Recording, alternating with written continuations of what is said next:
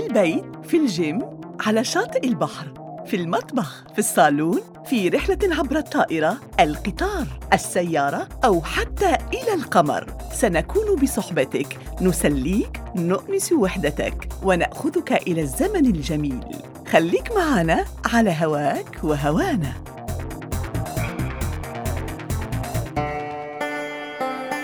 من إنتاج شركة أناسي للإنتاج الإعلامي وتنفيذ شركة Real Dream Creation.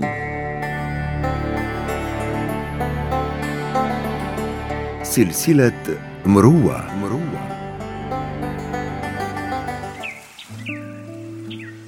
مرحبا واهلا وسهلا بأوفى وأروع مستمعين ومتابعين. كم يسعدنا ويشرفنا أن نلقاكم على خير ومحبة ومروءة. من خلال هذه المساحة الإعلامية الثقافية التاريخية الترفيهية المسموعة. في كل حلقة من هذه السلسلة نقدم لوحة درامية تاريخية كما نشاطركم بكل حب وود بعضا من تجاربنا الشخصية. هذه المدونة الصوتية العربية التي تحتفي بلغة الضاد بلغتنا الأم وتحيي قيمنا العربية الجميلة. وسلوكاتنا الإيجابية مثل التواضع والكرم والصفح والكثير الكثير من القيم العربية الثابتة والأصيلة. وكما قال الشاعر عن التواضع الذي تجله سندس كثيرا تواضع تكن كالنجم لاح لناظر على صفحات الماء وهو رفيع ولا تكن كالدخان يعلو بنفسه على طبقات الجو وهو وضيع. أصدقائي فريق مروة لنتحدث قليلا عن الجودة في فعل الخير والمروءة والإحسان للناس. فكما نتحدث عن الجودة في العمل من حيث النوعية والقيمة الجيدة تعتبر الجودة معيارا موثوقا به ليتميز إنجاز ما عن غيره من الإنجازات الموجودة. حتى ربما يؤهل ذلك العمل للحصول على شهادة الآيزو وهي مجموعة أو عدد من الشهادات الدالة على تطبيق نظام تأكيد الجودة في المنظمة أو المؤسسة أو الجمعية. وفي فعل الخير هل يمكننا أن نقوم به بجودة عالية؟ من حيث التحري والدقة أثناء المساعدة والتكتم على فعل الخير. بالفعل ذكرى. لا يجب أن ترتبط الجودة بالربحية فقط. وعلى العموم نحن إذا ساعدنا وبادرنا بالعون والدعم للمحتاج فإن ربحنا أخروي وليس دنيوي. وعليه علينا بتحري أرفع وأنبل الأساليب في ذلك. قال رسول الله صلى الله عليه وسلم صلى الله عليه وسلم. إن الله يحب إذا عمل أحدكم عملا أن يتقنه. صدق رسول الله. كما قال أيضا أحب الناس إلى الله أنفعهم للناس وأحب الأعمال إلى الله عز وجل سرور تدخله على مسلم تكشف عنه كربه أو تقضي عنه دينا أو تطرد عنه جوعا. لذا أنصحكم أعزائي المستمعين بأن تفعلوا الخير بنبل ومروءة. فعلا محمد فعلا. الجودة في فعل الخير وتخير أجود السبل وأكثرها رفعة. على سبيل المثال أن تقدم تبرعا لجمعية أو أو يتيم يكون محفوفا بالورد أو بقصيدة بخط اليد أو رسمة لطفل صغير. هكذا يكون السرور سرورين. هناك أمر مهم ذكره الفيلسوف اليوناني أفلاطون في مقولة أصبحت حكمة دارجة على كل الألسنة. لا تجعل البشر مرآة لأخلاقك. تسيء إن أساءوا وتحسن إن أحسنوا. مقولة رائعة جدا. بالفعل أدعو صحيح، المستمعين صحيح. والمستمعات إلى العمل بهذه المقولة. نعم التفكر. اشتركوا الآن في قناتنا على أبل بودكاست. إذا هذه هي حلقة جديدة من مروة سعيدون بأن نلتقي وأمامنا نفس الهدف السامي الذي انطلقنا منه وهو تعزيز وجود واستخدام اللغة العربية عبر الإنترنت وتحديداً عبر الأبل بودكاست. أكثر من عشر حلقات مرت على انطلاق مروة. استمتعنا فيها بالدراما وبالحديث الصادق والعفوي المبهج. مع نجوم مروة الذين يبدأون من مصممة الغلاف وسام شاهين إلى مصمم الجرافيكس محمد ربيع الشيخ والمصورون الذين مروا على مروة منهم إيهاب حاج علي وهادي هذريب والأستاذ محمد. إلى أن نصل إلى استوديو Play Prod حيث نسجل الآن. وفريق الدراما الرائع أنور العياشي. شكرا على هذا الإطراء. وسندس حمو. أهلا وسهلا. ومحمد الجريجي. أه، شكرا شكرا. والأستاذ حسون ناجي. شكرا شكرا. ونادر عياشي وملكة نعمان وكل الضيوف الذين مروا من هنا من فنانين ومثقفين ومختصين في علم الاجتماع والنفس ومتطوعين ورعاة للبيئة والطبيعة. والعديد الحقيقة أرجو ألا أكون قد نسيت أحداً. ومن باب الوفاء والعرفان ألا ننسى فضل الشركة المنتجة لهذه المدونة الصوتية. أناسي على احتضانها لنا وعلى إيمانها بأن الحلم مشروع وأن المروءة في الفعل والقول مبدأها ودستورها. شكرا من القلب أناسي شكرا, شكرا أناسي من القلب. شكرا شكرا. شكرا. أناسي والآن وبعد كل بقات الشكر التي نتمنى أن تصل لأصحابها ها قد حان موعد الدراما أيها الأحبة. لعلكم متشوقون مثلي للأداء الفني الجميل. فلننصت إذن. الإمام البخاري والألف دينار. الإمام البخاري والألف دينار. يحكى أن الإمام البخاري ذات يوم ركب سفينة في البحر وكان معه ألف دينار. وكان هذا مبلغا طائلا حينها. فجاء إليه رجل من أصحاب السفينة وأظهر له الحب والمودة وأخذ يتقرب منه ويجالسه دائما. فعلا أنت رجل شهم وكريم. أجدك لطيف المحيا ونظيف الهندام. زادك الله من فضله. شكرا شكرا يا أخي. وعندما وجد الإمام البخاري حبه وولاءه له مال إليه حتى أنه أخبره ذات يوم عن الدنانير الموجودة لديه.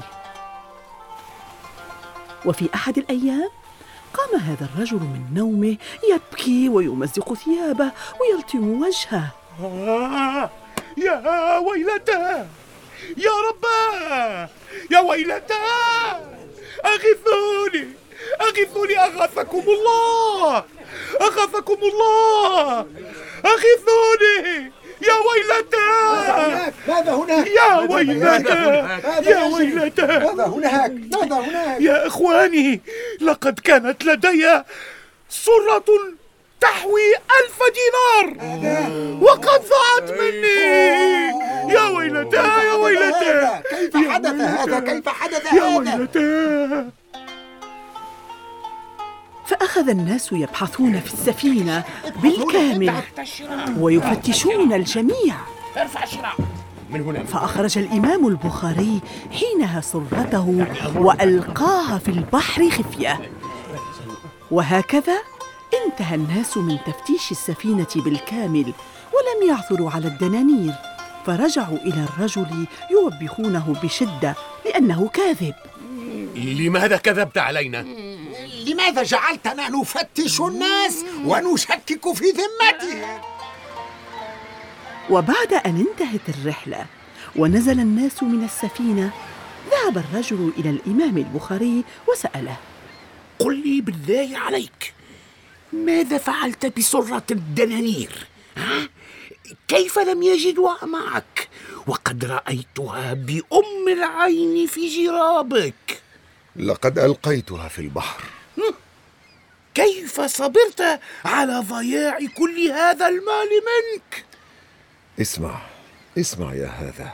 أنا أفنيت حياتي كلها أجمع أحاديث رسول الله صلى الله عليه وسلم. صلى الله عليه وسلم.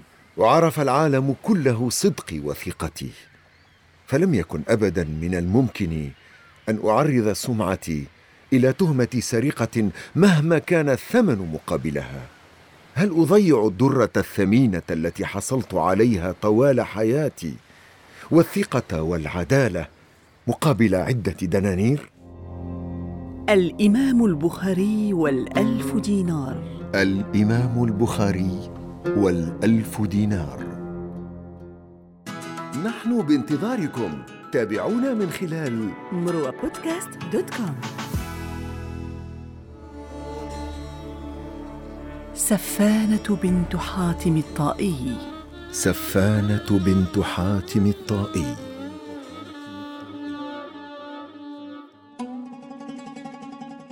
في أحد السرايا وقعت ابنة حاتم الطائي في السبي واسمها سفانة بنت حاتم الطائي. فلما جاءت المدينة ومر بها الرسول صلى الله عليه وسلم قالت له يا محمد إن رأيت أن تخلي عني ولا تشمت بي قومي وإن أبي كان يحمي الثمار ويفك العاني ويشبع الجائع ويطعم الطعام ويفشي السلام ولم يرد طالب حاجة قط. أنا أنا ابنة حاتم الطائي. فقال الرسول صلى الله عليه وسلم يا جارية هذه صفة المؤمنين حقا. لو كان أبوك مسلما لترحمن عليه. خلوا عنها. فإن أباها يحب مكارم الأخلاق وإن الله يحب مكارم الأخلاق. سفانة بنت حاتم الطائي. سفانة بنت حاتم الطائي. مروى بودكاست دوت كوم صدق رسول الله صلى الله عليه وسلم. صلى الله عليه وسلم. يا لسماحة رسول الله ونبل خلقه ومروءته وتسامحه. بالفعل بالفعل ذكرى. وتضرب بحاتم الطائي أروع الأمثال. وقد ولد حاتم الطائي في فترة ما قبل الإسلام وكان مسيحيا. وبعد ذلك أدركت بنته سفانة وابنه عدي الإسلام فأسلم والحمد لله. والحمد لله. وكيف لنا أن نتحدث عن المروءة ولا نتحدث عن حاتم الطائي؟ وهو من شعراء العرب وكان جوادا يشبه شعره جوده ويصدق قوله فعله. وقد جاء ذكر حاتم الطائي في عدة أحاديث منها الحسن ومنها الضعيف ومنها الموضوع. نعم نعم صحيح. ومن أبدع ما قال حاتم الطائي. هيا متعنا متعنا يا محمد. قال إني لعف الفقر مشترك الغنى وتارك شكلا لا يوافقه شكلي. وشكلي شكل لا يقوم لمثله من الناس إلا كل ذي نيقة مثلي. وأجعل مالي دون عرضي جنة لنفسي وأستغني بما كان من فضلي. أليس الأجدر بنا أن نعرض قصص كرمه ومروءته يا جماعة الخير؟ أجل أجل بالطبع ليس في ذلك شك. أجل. كيف لا وهو يلقب بالجواد الكريم صاحب المروءات؟ أجل أجل طبعا. صحيح. إذا أصدقائي المجال أمامكم للتعبير بلغة الدراما عن موقف آخر وخبر آخر لحاتم الطائي. حسنا حسنا. هيا انطلقي سندس في الرواية. هيا. عنترة بنت عفيف. عنترة بنت عفيف.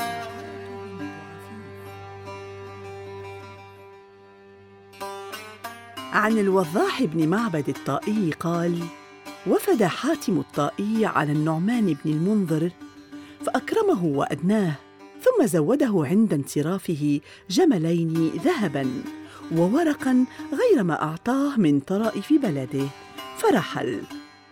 فلما أشرف على أهله تلقته أعاريب طي يا حاتم أتيت من عند الملك بالذهب والمال وأتينا من عند أهالينا بالفقر. هلموا هلموا فخذوا ما بين يدي فتوزعوه بينكم. فوثبوا إلى ما بين يديه من عطايا النعمان فاقتسموها. فخرجت إلى حاتم طريفة جاريته فقالت له اتق الله اتق الله وأبكي على نفسك. فما يدع هؤلاء دينارا ولا درهما ولا شاة ولا بعيرا.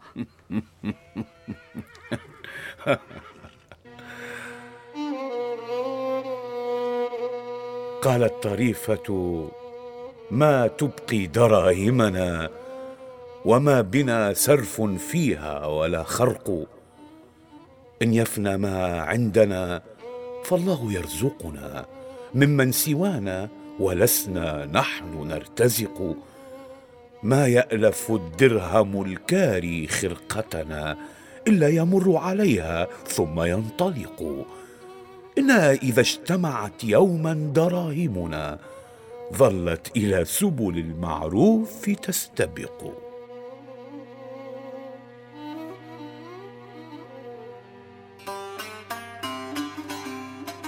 فقال أبو بكر بن عياش قيل لحاتم هل في العرب أجود منك؟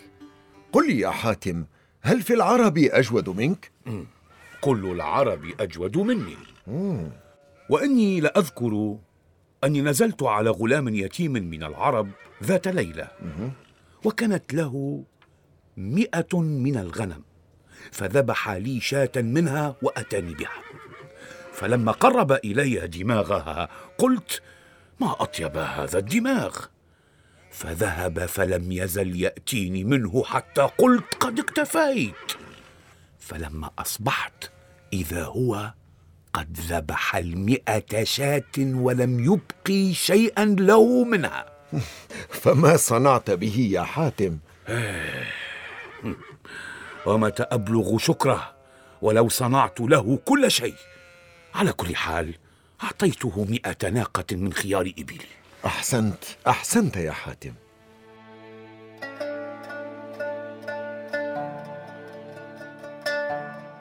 وقال محمد بن جعفر الخرائطي في كتاب مكارم الأخلاق كانت عنترة بنت عفيف بن عمرو بن امرئ القيس أم حاتم الطائي لا تمسك شيئا سخاء وجودا. وكان إخوتها يمنعونها فتأبى وكانت امرأة موسرة. فحبسوها في البيت سنة يطعمونها قوتها لعلها تكف عما تصنع ثم أخرجوها بعد سنة وقد ظنوا أنها قد تركت ذلك الخلق فدفعوا إليها سرة من مالها. خذي استمتعي بها واشتري ما شئت. بل أغدقي على نفسك ما طاب لك. فأتتها امرأة من هوازن وكانت تغشاها فسألتها حاجة فقالت عنترة دونك هذه السرة فوالله مسني من الجوع ما آليت أن لا أمنع سائلا. لعمري لقد من عضني الجوع عضة فآليت ألا أمنع الدهر جائعا. فقول لهذا اللائم اليوم اعفني وإن أنت لم تفعل فعض الأصابع. فماذا عساكم أن تقولوا لأختكم؟ سوى عذلكم أو عذل من كان مانعا. وماذا ترون اليوم إلا طبيعة؟ فكيف بتركي يا ابن أم الطبائع؟ عنترة بنت عفيف. عنترة بنت عفيف. استمعوا لنا الآن عبر ال SoundCloud. حاتم الطائي الذي ولد قبل حوالي خمسين عاما من الهجرة النبوية الشريفة أثناء العصر الجاهلي ومات في عام سبعة وستين للهجرة والذي يقدر عمره بحوالي مئة وعشرين عاما. وعرف بأبي وهب وأبي طريف وخلال الجاهلية كان رئيسا لقومه. هذا الرجل الكريم الجواد الذي يشبه كل كريم به. أمتعتنا قصصه وأشعرتنا بالعزة والفخر. كوننا عرب. محمد هل لاحظت كيف كان حاتم الطائي يجود دون حساب يجود بفطرته العربية وذلك حتى قبل الإسلام؟ أجل من الواضح أن صفة الكرم قد ورثها من والدته كما تروي هذه القصة. ولا شك عن والده أيضا. بالفعل فإن الكرم سمة العرب المتوارثة منذ القدم وفيها ضربت الأمثلة وقيلت الأشعار. أنا بالفعل ذكرى أثمن كلام محمد. آه، من أهم الصفات التي حرص العربي على التحلي والتفاخر بها هي حبه الشديد للكرم. أما بالنسبة لاستقبال الضيف وإكرامه فإنها كانت تعتبر مسألة حياة أو موت وكان التقاعس عن القيام بواجب الضيافة يعني تعريض حياة الضيف لخطر. وحتى أمه عنترة فقد ضربت مثلا في الجود والكرم والثبات عليه. صحيح, صحيح بالفعل. بالفعل, بالفعل أجل معك حق. آراؤكم مهمة أصدقائي وحقيقة معكم وبكم يحلو اللقاء دائما. من خلال المدونة الصوتية مروة. وهكذا نأتي إلى نهاية مصافحتنا الجميلة هذه. من جهتنا استمتعنا جدا بحديثنا معكم ومحاوراتنا الدرامية. أرجو أن يكون ما قدمناه لكم قد راقكم ونال استحسانكم ولا تنسوا مشاركتنا قصص مروة قصص إحسان ونبل وخير صادفتموها في حياتكم. حتى نستفيد ونقرأها على مسامع مستمعينا. تواصلوا معنا عبر موقعنا الإلكتروني وعلى صفحة الإنستغرام الخاصة بمروة وحتى عبر بريدنا الإلكتروني وعبر المنصات التي نبث منها. نلقاكم على المروءة والسلام. يا أهل المروة إلى اللقاء أيها الأحبة. من إنتاج شركة أناسي للإنتاج الإعلامي وتنفيذ شركة Real Dream Creation